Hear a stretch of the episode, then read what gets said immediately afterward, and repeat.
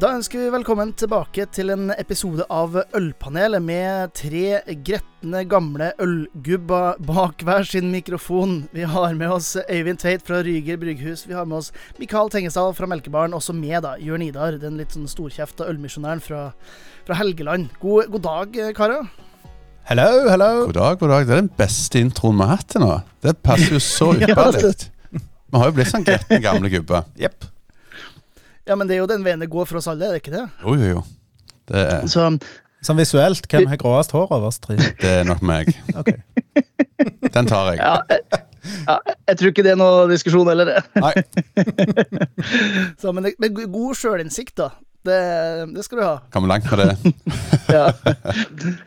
Jeg hadde faktisk en diskusjon rundt lunsj, eh, lunsj her i, i dag eh, om eh, når vi pensjoneres. Så sier det det, det fine med å være forholdsvis eh, ung, da, alt er jo relativt, men det er jo det at uh, vi kommer til å jobbe til vi dør, for at den pensjonsalderen blir jo bare høyere og høyere. Så, så jeg skal være gretten i veldig mange år til, jeg. Ja, Hvis jeg dør på jobb, så må jeg se det som da er jeg lykkelig. Så det Ja. går bra. Ja, men det er bra. Du, vi, vi, vi tenker vi, vi, vi kan jo bare sette litt i gang med å, å si hva som har skjedd siden sist. Og det her blir jo nesten som en føljetong. Eh, men nå har jo i hvert fall jeg sett et, et bildebevis på at eh, det er brygga et eh, alkoholfritt øl eh, hos Ryger, Øyvind. Jepp, det er det. Og Så da er det liksom Det er del tre. Det er del tre. Nei, vi har, Ja. vi har produsert to, nei, tre alkoholfrie typer. Det er etter, etter mange testbrygg, da. Mm. Så det er et fermentert alkoholfritt øl. Så vi har et med lime, et med mango og et dobbelt terromla. Så vi er Ja, jeg er ganske inhabile. Vi kaller smak. Mm. Jeg har smakt det. Jeg syns det var helt forkast... Nei da, jeg syns det var bra. Jeg synes det, jeg likte det veldig godt. Eh, fikk et par sånn eh, aha-opplevelser når vi smakte de opp mot andre norske eh, alkoholfrie øl. Så, så det var spennende. Og jeg er veldig spent på hvordan markedet reagerer. Vi hadde med de ansatte på Melkebaren. De fikk testa det. Og det er klart at Når du får testa et øl fra tanke uansett, så er jo det himmelen. Så, men, men eh, det virker jo så folk er fornøyd. Mm. Ja, vi, vi, det vi har gjort, vi har 500 bokser av hver type. Så vi skal dele ut Vi kan jo reklamere for dette her. Så Mm. alkoholfri ølet vårt heter Munngodt. Vi kommer til å levere ut til litt ja, sportarrangement og, og, og diverse. Bare for å teste ut. Så det, er- det er ikke for salg ennå. Så dette er testbruk Mm. som vi kun vil at folk skal smake og få litt tilbakemeldinger på. Før vi setter i gang storproduksjon av det. Spennende. Det er iallfall veldig gøy. Ja, Men tid, får dere ut til salg, da, tror dere? Det vet jeg ikke ennå. Det, det gjenstår å se. Først kommer det en sommerferie nå, eh, Mm. så vi må ta oss tid til å ta. Så vi hadde Vi jobbet hardt for å få det ut før sommeren. Så jeg tipper i. Men det er iallfall utrolig positivt med alkoholfritt øl, og det er så utrolig herlig. Eh, Nå er vi så heldige at eh, ju- eh, sol, har jo snudd, så går mot vinter. Så jeg håper vi får noen solskinnsdager til å sjekke ut den alkoholfrie ølen rundt forbi. Så og Nei, bare, det- det- bare, en sånn grumpy old man midt oppi dette her. Nei, det er kjempekult å produsere òg. Mm. Var på kurs i Danmark og fikk med meg opp en danske og var med og testa ut denne gjærstammen, som er helt unik. Så vi er det andre bryggeriet i Norge som bruker den. Mm. Så Ja, det, det blir jo veldig spennende å se hva som skjer med den uh, kategorien øl i de, uh, de neste årene. For at uh, ja, Det virker jo som at folk er mer og mer på vei den, den veien. At så, altså, alkoholfritt øl smaker jo godt øl nå, og ikke bare alkoholfritt, sånn som det har gjort i ganske mange år. Mm. Ja, det er meget spesielt med den her gjæren som ikke produserer Eller nerdete sagt så fermenterer han ikke maltose, eller Mm. sukkeret for malten, men han fermenterer litt fruktose, og det har du litt av i malten. Det som skjer, det er at du tilsetter det i en tank, og etter 48 timer så endrer bare produktet helt karakter. Det går ifra å være en kjedelig vørterbase til å bli et fullverdig øl som smaker virkelig øl. Men det er jo det som er ganske gøy i barene òg nå. At nå er det ikke bare til når noen sier alkoholfritt øl, så er det ja, vil du ha den? Vil du Mm. ha type Munkholm? Nå er det ganske heftig utvalg, og det er Normalt sett utrolig gøy. Ja, Normalt sett i alkoholfritt produksjon så har de jo varma vekk. De lager et øl, og så varmer de ut alkoholen som fordamper. Da skader du produktet ekstremt mye.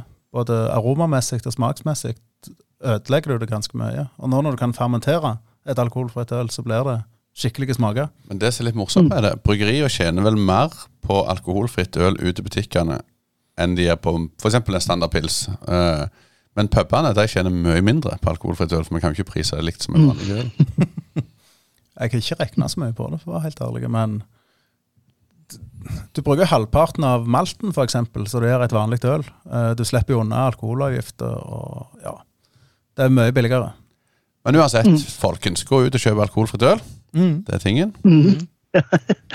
Men Enn du da, du og Mikael, hva, hva, hva skjer i, i restaurantverden, i barverden om, om dagen? Jeg har vært på ølfestival, det er vel det største. Eh, så det var litt gøy endelig få lov å være litt ute igjen. Treffe Ja, litt Hvilken festival var det?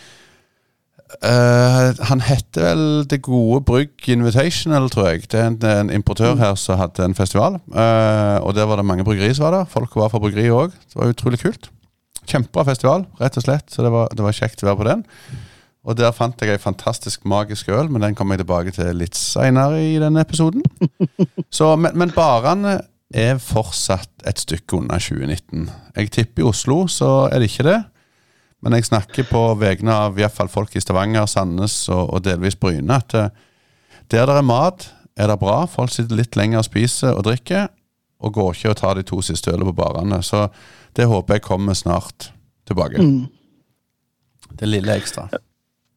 Ja, og så er det jo en, en bransje som eh, er i ganske ikke krise var rette ordet, men det, det mangler i hvert fall flere tusen eh, mennesker eh, i selve bransjen. Om det er servitører, bartendere, kokker, resepsjonister Altså alt, alt mangler i reiselivsbransjen. Det er ganske Altså, når jeg får flere, flere meldinger i uka om eh, jeg kjenner en kokk eller en servitør eller et eller annet, da tenker jeg da er folk ordentlig desperate. Ja, Det er ganske heftig for tida, det er det. Og, eh, og problemet er at mange stjeler jo ansatte av hverandre og får pressa lønna enda mer opp. Så vi, vi skyter oss litt i foten hvis vi holder på sånn. Så det eneste jeg kan oppfordre bransjen til, det er å få inn nye folk i bransjen. Ikke holde på å ta av hverandre hele tida, for det hjelper ingen. Så krysser armer og føtter. Vi har en bar, så meg og Øyvind er medeiere i. Og der uh, har vi lett etter daglig leder en stund nå. og Det er ikke lett å få tak i de rette. Nei. Så, men vel, alt løser seg. Hele tida. Til slutt. Men så tenker jeg at uh, det å få inn nye folk er jo sikkert ikke så lett heller, med hensyn til uh, at jeg, jeg tror ikke nordmenn er villige til å betale det det faktisk koster for litt god service og, og det det faktisk kosta med, med god mat, få god service og få fagfolk inni det. Jeg vet ikke om jeg nevnte det for dere, men jeg så jo på eh, lønn for, eh, for faglærte kokker. Og så trodde jeg at jeg hadde sett på en, en gammel fil som jeg hadde liggende fra når jeg var kokk for 15 år siden, men eh, så var det egentlig de, de nåværende tariffavtalene, så det er jo ikke akkurat eh, sånn superduper lukrativt å, jobbe sånn pengemessig i, i restaurantbransjen. Så det her kan kanskje hjelpe litt. Jeg vet ikke. Nei, men etter vi fikk de nye tipsreglene, så har jo det gitt veldig mange mellom 20 og 40 kroner ekstra i timen. Ja, det er sant nok. Så det kommer jo på toppen, så det, det blir jo litt mer konkurransedyktig. Men jeg, jeg lurer jo bare på hvor de unge blir av. De unge sto jo i kø for å jobbe i vår bransje før. Mm. Så Men uh, Kanskje de er opptatt med å feste, siden du ikke har fått lov til å gjøre det i, i to år i strekk. ja, vi, eh, snakket om det med sist òg, men vi oppfatter jo at de som er under 25, som ikke har etablert seg ennå, går mye ut. Og de som er over 50, som har voksne unger, går mye ut. Men de midt innimellom har liksom ikke begynt å bevege seg ennå, så det er de vi venter Nei. på. det kan jo være de venner seg til å ha det stille og rolig. Ja, det er ikke Og bra. akkurat så, Jeg vet at dugnad og, og sånn er jo blitt kjempeproblem etter, etter koronatida. At Ja. folk som går på dugnad for idrettsklubber og diverse organisasjoner er skikkelig problem med å få folk tilbake Mm. igjen. Ja, jeg, De har, de har fri, de har hatt fri en periode, og så har de sett hva, hva godt det egentlig er. mm, Og hvor mye tid det faktisk krever den dugnaden i går. Ja. så. Mm. Ja, det kan være det. Kanskje alle hopper på festival, for det er jo faderulla med festival over en lav sko over hele landet hele tida, føler er jeg. Så Ja, det skjer mye. Vi har hatt noen store Ja. konserter her borte. Så utenom det, den siste måneden med de ansatte og sånn, så har jeg vel smakt årets første juleøl òg, faktisk. Høy. Hei. Så det er jo ikke verst. Smake ei julebukk i uh, bukkøl i sommeren, så det var litt kult.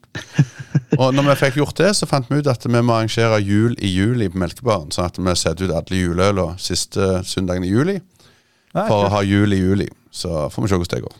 Ja, det er helt, uh, I min verden så er det helt uh, logisk, men så er jeg jo, er jo jeg kanskje litt over gjennomsnittet interessert i øl, da, så ju, juleøl passer jo alle i alle måneder som slutter på det, egentlig. Alle måned. Nei, ja, jeg prøvde meg. Jeg prøvde meg. jeg- Ja, det var dårlig. Vi syns det var bra, vi vet hvor du vil hen. Hvordan har din måned vært da, Jørn Idar?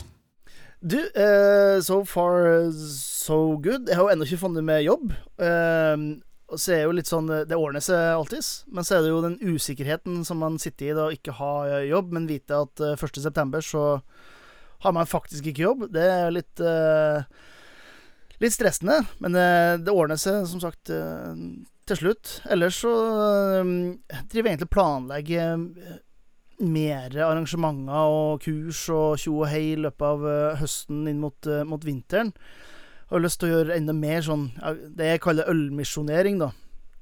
eh, rundt forbi. Så eh, det, det dukker opp, dukker opp ting i, i kalenderen, i hvert fall.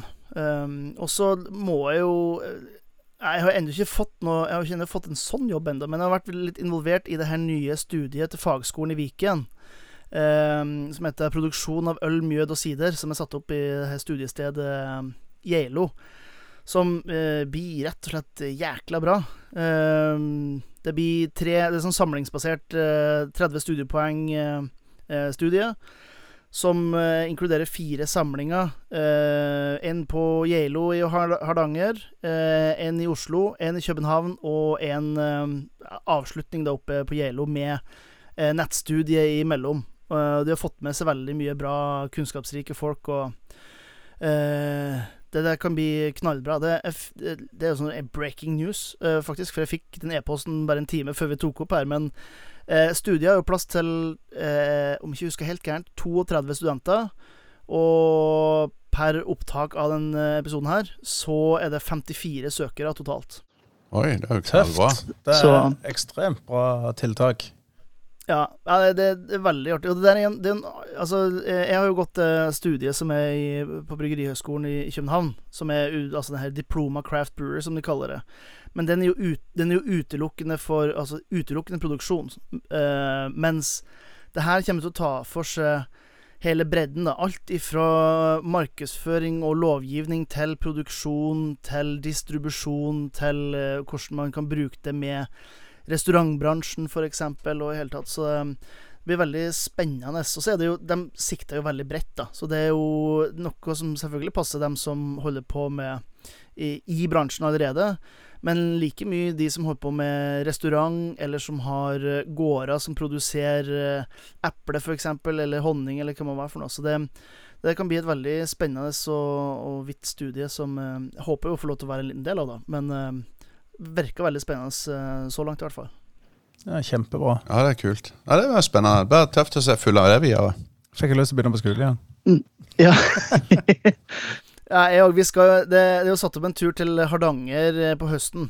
Eh, met, cirka midt i sesongen. Eh, rett etter plukking er det kanskje. Så jeg, eh, det, jeg håper jo at jeg får lov til å være med en tur dit, for at det, det må jo være helt, eh, helt magisk. En, eh, en eh, tysk sidermaker som jobber for eh, eh, Åkre gård, som, eh, som eh, skal ta dem gjennom sideproduksjon. Så nei, det blir, blir spennende, rett og slett. Tøft. Kult. Så, og så blir det jo alltid et eller annet. Ja da, det dukker alltid opp noen, noen kule ting her og der, tipper jeg. Ja, jeg vil, jeg vil tro det. Mm. Så jeg vet ikke, skal vi bare ta oss inn i uh, noen spørsmål fra lytterne, kanskje? Ja, gjør det. Ja, da kjører vi på med det. Uh, ikke så mange eh, spørsmål denne gangen, Uh, og det er, det er min feil. Rett og slett fordi at jeg har vært litt sløv å, å sende ut og så spørre, da. Uh, men jeg har tre ganske gode spørsmål, Uh, eh, synes jeg. Det er litt sånn personlig og litt marked og i hele tatt. Eh, oppfølgingsspørsmål fra eh, forrige podkast, faktisk. Det liker jeg like veldig godt. Eh, og, og, og det er jo en referanse til den her grønne ølen som vi snakker om. Eh, altså sånn her farga øl. Ja. Eh, og, da, og da er spørsmålet Hva synes dere om gimmickøl? Eh, vi, snak, vi svarte litt på det sist gang, men eh, jeg, jeg kan jo altså si for min del hva, hva jeg syns er et gimmickøl, så må dere gjerne arrestere meg på det. Men gimmickøl er jo hvis man f.eks. putter eh, i eh, ølen sin for å få oppmerksomhet. Eh, eller altså, man, man lager et øl mest for å få oppmerksomhet, ikke for at jeg skal ha en eh, funksjon i form av smak eller eh, aroma eller, eh, eller storytelling, men rett og slett bare for å sjokkere litt. Det er i mine øyne et gimmick-øl. Jeg vet ikke, hva, hva tenker dere? Jeg tenker Brewdog med en gang. Ja. Alt jeg gjorde for å slå seg opp og frem. Men hvaltestikler Mm. er vel en del av renhetsloven, er det ikke det? Jo, den jærske renhetsloven. Ja, den jærske renhetsloven. Ja.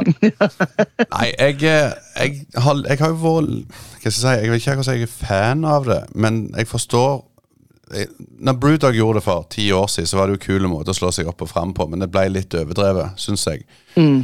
Uh, så Nei, jeg er litt lei av For jeg, jeg føler at bransjen har blitt så bra at vi trenger ikke gjøre sånne skrikende oppmerksomhetsting lenger. Vi hiver ekstreme ting i.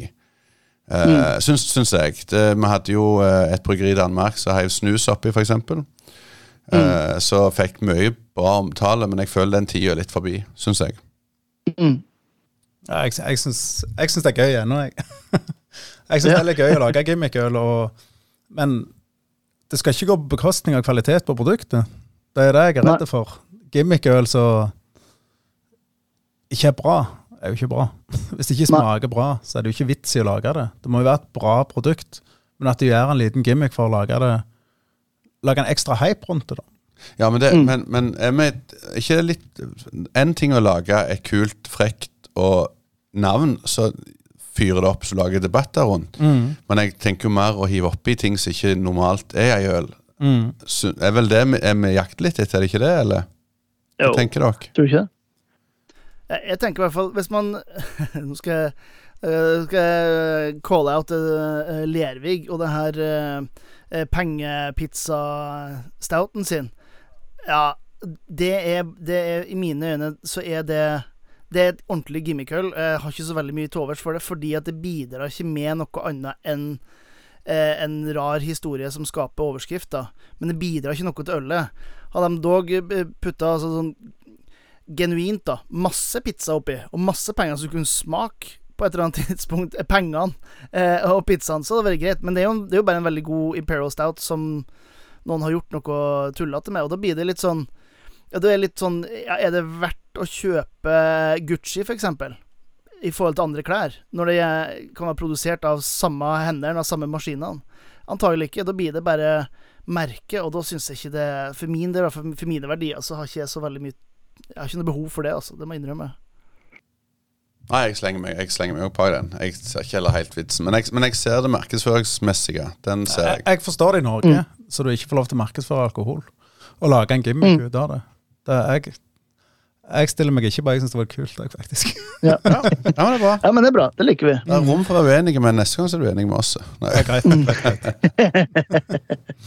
Nei, eh, jeg vet ikke hvor mye han skal snakke sjøl, men Sam Calione, som jo eh, starta Dogfish Head en gang i tida, han har et sitat som jeg ikke skal ta ordet etter nå, men han sa det at eh, å, å gjøre eh, et øl bare for eh, sjokkverdien alene er ikke et eh, verdig øl.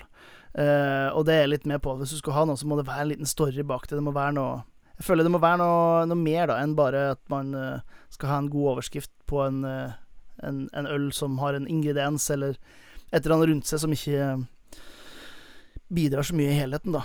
Så, men det er i hvert fall én som liker gimmickøl, og så er det to som er litt på, eh, på gjerdet og litt, kanskje litt negativ til, til gimmickøl. så det er bra å få sånne oppfølgingsspørsmål for de som, eh, for de som hører på. Det, det liker jeg veldig godt. Og til alle dere andre der ute, ikke nøl med å sende spørsmål hvis det er noe dere vil vi skal ta opp. Nei, vi eh, skal svare på, på det meste. Om det er bra svar, det får dere høre, høre på i neste episode, osv. Um, det her er mer sånn filosofisk spørsmål. Hva er øl for dere? Og da tenker jeg altså, eh, Nå skal jeg prøve å lese inn i, i hjernen til denne vedkommende. Da tror jeg sånn, Hva er det betyr for oss sånn personlig? Ganske sånn høyt eh, tungt spørsmål. Filosofisk spørsmål, rett og slett. eh, øl for meg er jo en del av nytelseverdien i livet, for å si det sånn. Eh, jeg har en regel. Hvis jeg har en dårlig dag, en skikkelig drittdag, så rører jeg ikke alkohol uansett. Det er en prinsippsak. Skal al- Ølet skal aldri være en løsning ut av noe. Det skal være kun nytelse. Så for meg så er det ja, alt ifra ungene lagde eh, til å ta ei god øl og slappe av og kose seg med. Eller ute i godt lag. Men, men det er med et veldig positivt fortegn. Det er ikke en flukt.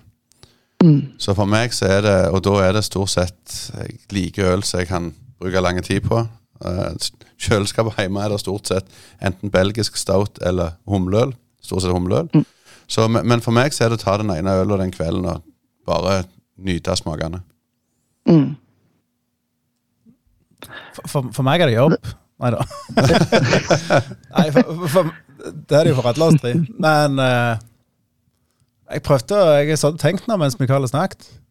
Sliter med å finne noe. Det er jo en Jeg har jo en ekstrem interesse, som dere også har, for øl. Og produksjonsmessig av øl. Så det er jo en sånn endeløs eh, læringskurve som du aldri blir utlært i. Så du kan lese opp og ned i mente og være kritisk og positiv. Og, men generelt øl forbinder jeg med avslapning og Mm. ha det fint. Nesten som en slags sånn sinnsstemning. Ja. Sommer og båt. Mm. Fikk en sånn postgirosang i, Ja. i hodet. Riktig. uh, ja, for uh, Altså, øl for min del er det Jeg syns det er fryktelig vanskelig. Og jeg har visst om det spørsmålet her en liten stund allerede, og jeg syns det er jækla vanskelig. Men jeg, for min del så tror jeg øl er på en måte um, en mulighet, da. Altså, det er muligheter å eh, oppdag nye historier, oppdag nye mennesker, nye kulturer, nye smaker. Eh, det er muligheter for å få folk sammen. Eh, det er en mulighet for å eh, ja, på en måte nyte hverdagen litt, eh, litt mer. Så jeg, jeg, tror, jeg tror kanskje det blir svaret mitt, altså at eh, øl for min del er, er muligheter. Det er muligheter for jobb, selvfølgelig, eh, men det er også muligheter for å ja, måte forsvinne inn i smakens verden, da, på, eh, på I et lite glass, da. Og det syns jeg ja, jeg syns det er veldig flott. Sjøl om, selv om vi har et stykke å gå da, i, og i, i ølbransjen, så føler jeg at det er muligheter for de som kanskje står litt utafor òg.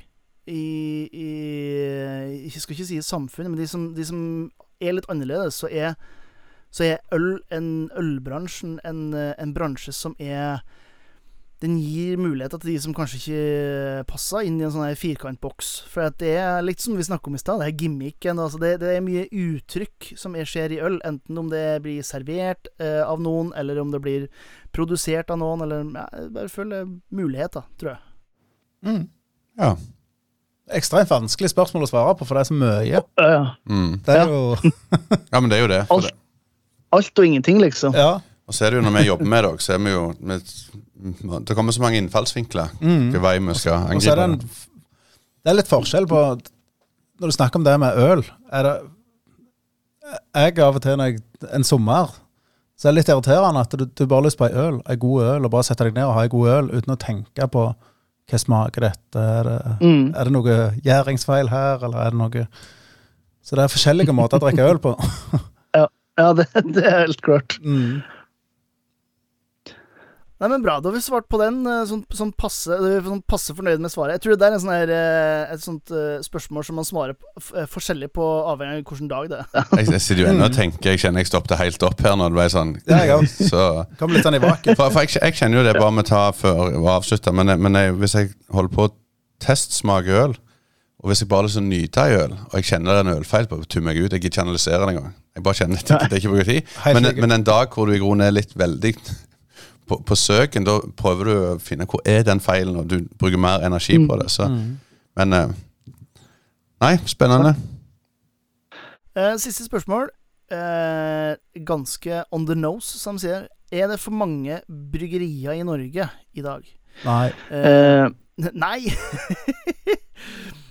Nei, altså eh, jeg, jeg kan jo starte litt der. Sånn, sånn, hvis man ser på, på oversikt, så er det litt over 200 firmaer som produserer øl eh, per i dag. Og så kan man vel si det at av de så er kanskje 150 veldig lokale, altså hyperlokale, eller eh, selger bare gjennom egne kraner. Og så har du resten som eh, kjemper om de her eh, få prosentene som håndverksøl har av det totale norske markedet.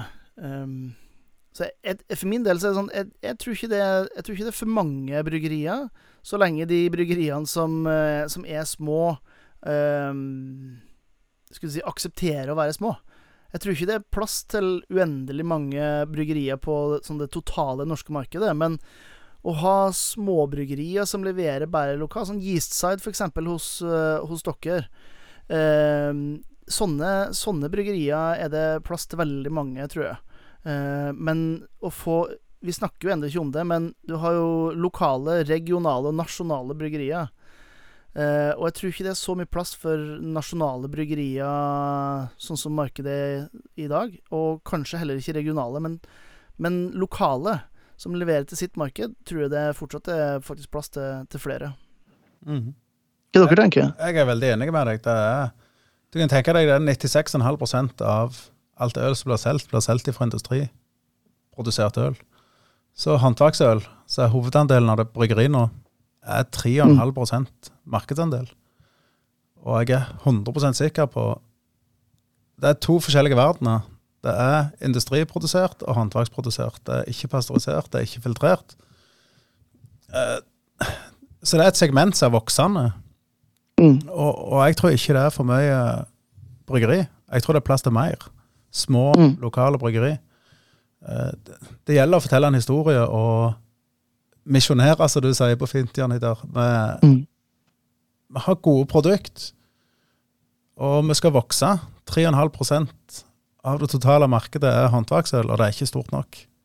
Men jeg mm. glemmer litt viktig òg, at uh, å jobbe dugnad er heller ikke kjekt i ikke. Og derfor, mener, derfor, mener, jeg at det ikke alltid er plass til dette, her, for de er ikke levedyktige. Uh, og, og, da er det spurt om at skal de få lov å starte opp med at de er et sånn etablererår via Nav f.eks. For, eksempel, for å prøve å skape en egen arbeidsplass så de ikke får det til. Så jeg, for meg skal det komme 1000 bryggeri, men jeg er redd at det er veldig mange der ute som ikke er levedyktige. For det blir veldig mye mm. dugnad og veldig mye Det blir ikke penger for dem. Så sånn sett økonomisk så tror jeg mange skal slite stort. Men jeg, mm. jeg, er jo utrolig fascinert av at de gjør det med hjertet. Det synes jeg er, det det gjør vi jo alle som driver for oss sjøl, vi, vi, vi, vi, er jo ikke smarte i mange valg, for vi tenker for mye med hjertet. Mm. Så, mm. så, jeg tror mange av de mindre bryggeriene har det sykt tøft. Iallfall de som selger til Horeka-bransjen, har jo hatt to forferdelige år. For vi har jo vært nedstengte, vi òg, og det har jo gått utover de òg. Mm. Men jeg håper jo at det kommer mer gardsbryggeriutsalg. Og så, eh, så håper jeg at de overlever. Jeg håper det kommer ja, sånn sier gårds, gårdsbryggerier, men kanskje det vi har behov for, det vi har plass til mer av, er jo de som uh, gjør mer, mer enn én ting. Altså de som har en gård, men som samtidig produserer øl og mat og kan gi en, en opplevelse. Det er jo noe som NO Reiseliv har, har snakka om de siste fem årene, er jo det at, at turisme kommer til å, å fortsette å, å, vokse, og er allerede en av de største største bransjene vi har i Norge. Og det å kunne implementere lokalt produsert eh, øl i det, tror jeg ganske mange kunne hatt, kunne hatt godt, da. Men uten å skal pushe det på den lokale puben nødvendigvis, kanskje. Det, det er jo klart, hvis det slår igjennom den, den saken som Bryggeriforeningen jobber hardest med at Eller ikke hardest, men de jobber med den politisk med at øh, bryggeriet får lov til å selge øl opp til 22 ut ifra eget bryggeriutsalg. Og det er jo klart det er leverom for mindre bryggeri hvis de får lov til å ha et mm. ølutsalg som selger over 4,7 mm. Det kommer til å hjelpe kjempemye. Og, og ja, det. Det, det skaper mer mangfold, og det skaper mer interesse for produkter. Og mm. det, det, eneste måten det kan Det øker markedsandelen, tror jeg, mm. av, av totale håndverksøl. Jeg tror du har rett i. Mm. Så ja, ja til uh, flere bryggerier, men uh, mer uh, lokalfokuserte, kanskje? Ja, innovative. Mm. Mm. Ja, det er òg sant. Vi har ikke behov for, uh, ikke behov for flere, som, nei, flere, bryggerier som lager de samme ølene som alle andre. Det, nei. Å prøve å gjøre noe litt annerledes, det er jeg med på. Mm. Da så trenger du en god historie. En god historie ja. selger mange ganger over produktet. Helt sant. Helt sant. Nei, men Bra. Men da har vi tatt uh, lytterspørsmål. Da kjører vi bare rett inn i uh, månedens tema, tenker jeg. Og månedens tema er uh, ikke kontroversielt, men det er noe i hvert fall der ute. Og det er rett og slett hvorfor selges det mindre håndverksøl om sommeren? Um, og sånn umiddelbart så uh, sier kanskje de som hører på at uh, ja, men det kan jo ikke stemme. For at, uh, vi ser jo at håndverksøl selger jo mer enn det har gjort noen gang. Og det er for så vidt sant. Men jeg har tatt med friheten å, å gå litt, litt tilbake i, i, tid. Fra ja, de tallene vi har fra, fra juli og august i 2016 til 2021. Um, og i juli så ser vi en, uh, en, uh, en økning på uh, norskbrygga øl. Jeg kan si Den totale uh, omsetninga økte med 37,3% Derav norskbrygga øl 43 Nå runder jeg oppover. Um, mens håndverksøl hadde bare 16,4% økning. Så det betyr at salgsøkninga i juli var på 44,5% av industriøl. Går man til august, så er det ikke like høy, eh, like høy økning. Vi ser totaløkninga er på 20 eh, Derav eh, norskbrygga er da 18,5 mens håndverksøl er bare 6, altså 17, da, så runder oppover. Som betyr at industriøl har en, en vekst på, på 18,5 så jevnt over så er det økning, men eh, industriøl tar da mer og mer markedsandel eh, i totalen her sånn, eh, i juli og august. Da er det jo, eh, er det jo eh, betimelig å, å spørre eh, han som har mest med uteliv å gjøre, Mikael, som jobber med det her til daglig. Hvorfor tror du det, hvorfor tror du det er sånn? Jeg, jeg, vet ikke. Det første jeg tenkte på, er jo at selvfølgelig pilssalget er mye høyere om sommeren. Uh, og Hvis du tar vekk mye av de mørke sortene som vel er store slagere på polet, så er de mindre salgbare om sommeren, uten at jeg kan bevise det med noe tall. Uh, så, så jeg, jeg, vil jo bare tippe at det er sesongen mye mer uteliv, mer grilling, og da tar folk istedenfor å finne øl som matcher maten, for da må du helst til polet for å få den kunnskapen, uh, hvis du ikke har den sjøl. Mm. Eh, så tar de det enkle. Jeg, jeg, jeg er veldig usikker. Uh, hva er grunnen? Men, men uh, mm. jeg tenker så enkelt i første omgang. Jeg vet ikke hva dere tenker. Jeg har, har en formening om det. Det er jo Tenk til dagligvarekjeden der mesteparten av øl i Norge blir solgt. Der er det om å gjøre å rullere varene fortest mulig i hylla. Og 80% av alt øl som blir solgt i dagligvarekjeden, blir solgt fra kjøleplass. Kjøleplass blir ikke ofte prioritert til håndverksbryggeri, for det har for liten flow. Eller det, det leverer for lite produkt ut ifra hver hyllemeter. Så da står mm. ofte håndverksøl varmt. Og industriøl som de vet de selger, Karlsberg, Ringnes, Hansa, eh, ja, står kaldt. Og de vet at de selger det. Jeg tror det kan mm. ha en faktor på at det øker mindre på, på håndverksøl. Men, men mm. det Mikael sier, at uh, Ja, jeg, jeg, tror dere er inne på, på to veldig, veldig essensielle uh, punkter i det. Um, når det er sommer, så de fleste reiser jo. Uh, det er bare sånn det er. Om de reiser i utlandet eller, eller, i innlandet, så reiser de ofte til steder som de ikke kjenner så godt. Og dere har jo sjøl en, en, butikk som dere sikkert vanker på oftere enn en, en andre. Og da vet du på en måte hvor ølet du har lyst på, står hen. Mens hvis du er ute og, og reiser, du, hvis du har unger, så er kanskje de litt maser om is, og man skulle ha truffet gamle tante, eller man skal ut og bade, eller et eller annet som man er litt sånn småstressa. Så det man ender opp med å gjøre, det er at man, man gjør det som er enklest. Og det enkleste er, som du sier, Øyvind, å gå i kjøle, kjøledisken, og så tar man uh, så tar man uh, det første og beste man ser som man kjenner igjen, og man tenker at det her Jeg skal ikke si akseptabelt, men det her, er, det her er godt. Det kan jeg ta. Så istedenfor at man uh, ser uh, bak seg f.eks. i hylla etter noe lokalt eller noe håndverksøl, eller drar på Vinmonopolet, så, så, gjør man det som er kjapt og, og, enkelt, som jo da er å, å gå der det er Enten om det er på, på Kvartpall på torg, eller om det er i, i kjøledisken. Så, så, det er på en måte litt min, uh, litt min teori. Men jeg syns jo det er litt interessant det du sier med, med pils òg. For at, uh, selvfølgelig, pils tør jeg å påstå er jo kanskje den en god pils er den ultimate tørsteslukkeren. Og sjøl i Norge eh, så er det jo varmt.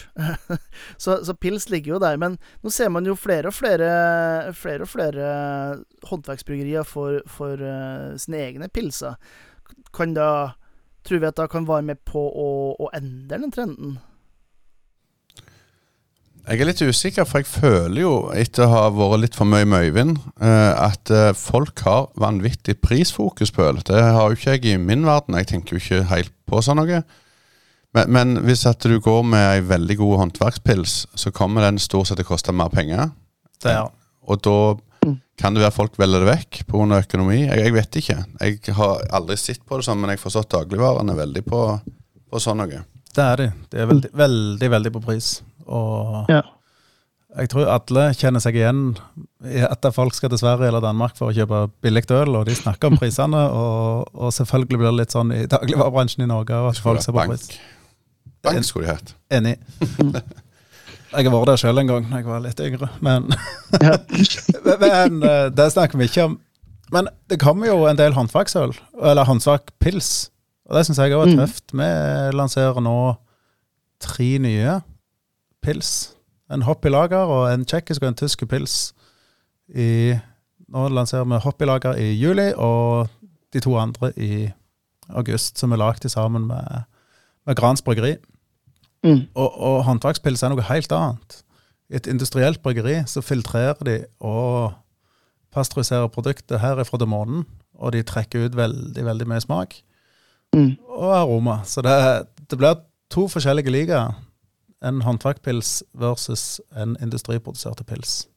Og, og der er jo litt uh, Der kan man jo nevne at ja, sånn som Syv Fjell, for eksempel, eller Eger eller Austmann, eller, eller dere også, brygger jo gjerne den typen øl hos større uh, produksjonsbryggeri, altså industribryggerier. Om det måtte være Grans eller Ås uh, Arendals, Berensens. Eh, Hvorfor eh, Hvorfor da?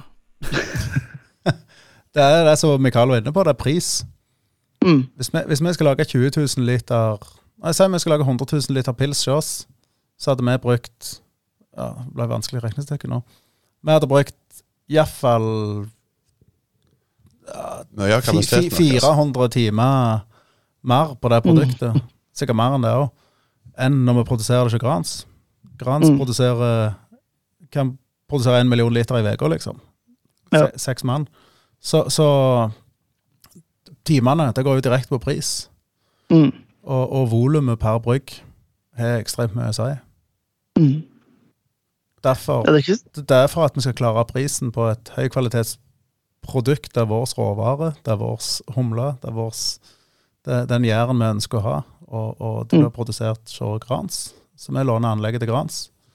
Og, og, og de dyktige folka til Gransa er med å utvikle ølet vårt. Mm. Mm. Og det går igjen på pris, som kundene er veldig opptatt av. Ja. Penger, penger rett og slett. Penger. Det er det It's all about money.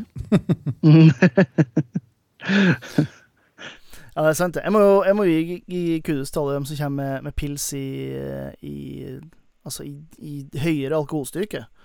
Eh, sånn som ja, Altså, i hermetegn det burde være. Eh, den, den 4,7-grensen eh, er jo utelukkende politisk, eh, politisk styrt. Eh, her, her, til lands. Eh, så en, en, god, en, god, pils kan selvfølgelig være 4,7, men den er enda litt bedre, syns jeg, når du får den på 5,4, 5,6 og får litt mer fylde og litt mer, enda litt mer råvarepreg på det. Men, eh, men da går jo selvfølgelig eh, råvareprisen litt opp, eh, og så går tilgjengeligheten ned. dessverre. Men, men, bryggeriene setter jo oftere igjen med en større klunk av penger når de sender til Vinmonopolet, enn når de sender til, til dagligvare. Eller helt annen prisstruktur, for å si det mildt. Helt korrekt, for volumet er lavere. Og, mm. og, det er som de vi skal lansere nå, at alle er på Vinmonopol. Betalingsviljen mm. er jo vanvittig mye bedre på Vinmonopolet for sluttbrukerne enn på en mm. butikk, tydeligvis. Mm.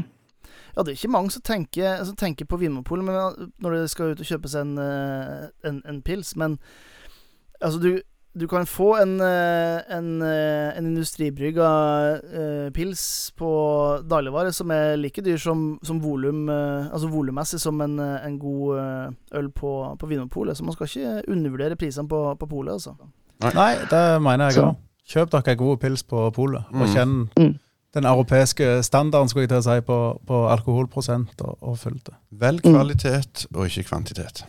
Ja, Helt sant. Nei, men da har vi for litt eh, servert våre teorier, i hvert fall, om hvorfor det selges mindre håndverksøl på sommeren. Og så kan vi jo ta opp det her igjen om en sånn fem års tid, og så se om det har endra seg noe. Det tenker jeg er en, eh, en fin avtale. Ja, den, den avtalen er vi med på. Da tar vi eh, rett og slett også gir vår, eh, vår lille ølanbefaling inn i, eh, ja, juli. Altså inn i eh, ordentlig første sommermåned. Ehm, og eh, ja, det er jo en, er en, en tid der mange begynner å gå inn i, i ferien. Som, fellesferien er i gang. Det er varmt, man skal kanskje litt ut og reise. Uh, og da, da lurer jeg rett og slett, uh, Mikael, hva Hvis du skal anbefale en liten, en liten øl til, til folket nå i, i denne tida, hva, hva du ville gått for? Jeg var som sagt på en ølfestival, så der traff jeg traff jeg- Ei øl traff øynene mine så tydelig at jeg måtte smake den, og det var altså ei, eh, ei, ei Bruhard Tour de France. Og for en som elsker å forgude Tour de France, sånn som jeg er, og skal reise ned og se de to-tre etapper i år, så, så måtte jeg bare teste den. Det var en dobbel neipa på 8 da, så det var jo ikke akkurat noe du sitter og lesker deg etter å ute og gå tur, eller noe sånt. Det er jo skikkelig nytelse. Så, så på boksen så var det designa som med alle Tour de France. Eh, Jerseyene, eller klatretrøye og sprinttrøye osv. Så, videre. så jeg ble så forelska i den øla at jeg spurte importøren Har du et brett eller to som jeg kan få Som jeg kan handle til melkebaren, for denne må vi ha inn. Men hadde kun på fat. Så det var en litt nedtur. Så jeg, jeg får nok ikke tak i den øla, med mindre jeg eh, jakter litt ut i den store verden. Men, men eh, det er liksom min forelskelse innen øl i år. Det var helt nydelig. Så, men, men utenom det, hvis jeg skal ta et sommertips, så blir det nok en eh, Vi går litt på type butikkting. Eh, gjerne Larvik Lucky Jack eller noe sånt i den leia der. Eh, Sykt leskende uansett eh, Uansett varme. Så da drar jeg fra polet ned på butikknivå igjen. Så, men, men det er ei sånn skikkelig sommerøl som funker utrolig bra. Utrolig leskende, du får humlefølelsen litt i deg. Og nydelig øl, rett og slett. Solid, solid. Jeg, min mening er Jeg vet om et bryggeri som lanserer et øl i juli. Det er en hopp i lager som heter Jerv. Du, har- du har begynt å bruke her rent som en sånn markedsføringskanal. Hvis ikke, så kan dere spare leveren deres til august, for da har vi et monsterslipp av Neipa og surøl. Ja, men nå er det juli det er snakk om, vet du. Ja, ja, det, unnskyld, unnskyld, Du skal ha Ja. sesongsølanbefaling. Nei, jeg er Det med den hopp i lagene, det mener jeg. 5,2% på Vinmonopolet. Den er vi superhappy med. Det er en krystallklar pilsner, eh, hum humlerike med bitterhet. Mm, Ellers er jeg veldig sånn som Mikael. Pale ale på sommeren. Magisk med litt bitterhet.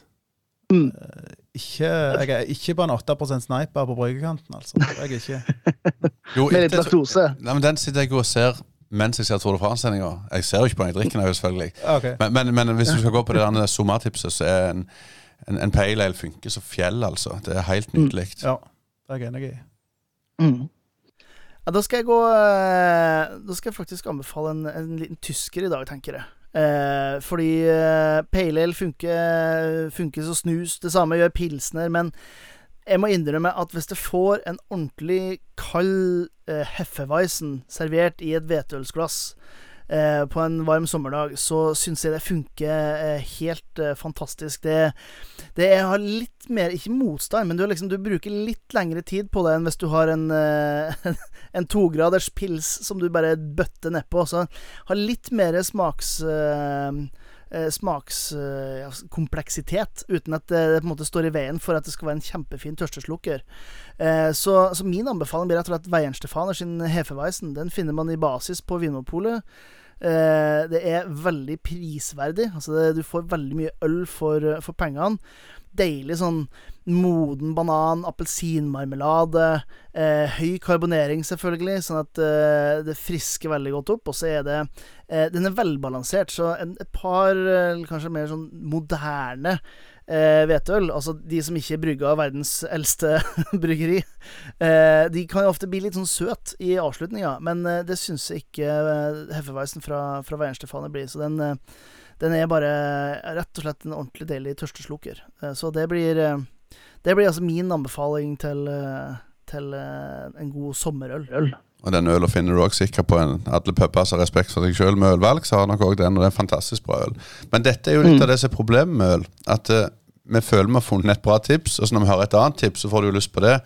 Så det, det er jeg helt enig i. En, en, eh, ei hef er helt nydelig.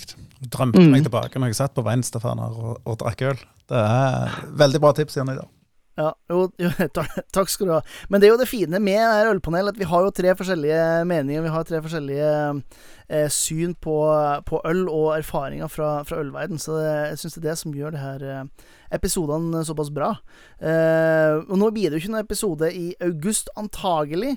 Eh, vi får se, men, eh, men eh, sommeren er jo rundt, eh, rundt hjørnet for oss, for oss alle. Så folk får bare kose seg med en, enten en alkoholfri en, eller en pale ale, eller pils, eller hvetøl, eller hva det måtte være. For nå, eh, nå merker i hvert fall jeg at det blir, jeg blir litt sånn i sommerstemning her vi sitter. Jeg vet, jeg vet ikke, skal dere, Er det noe dere har lyst til å meddele de eh, millioner av lyttere som vi har her, før vi sier takk for nå? Vi vil bare at de skal drikke kvalitet Mm. og nyte. Drikk bedre, drikk mindre. Det er, det er kloke ord her, og så, eh, s- så skader det jo selvfølgelig ikke med en god eh, alkoholfri også nå i, i sommervarmen. Kanskje begynne med en liten sekspakning med alkoholfri øl, og så kan man ta en eh, alkoholholdig Hefeweisen helt til slutt. Slutt.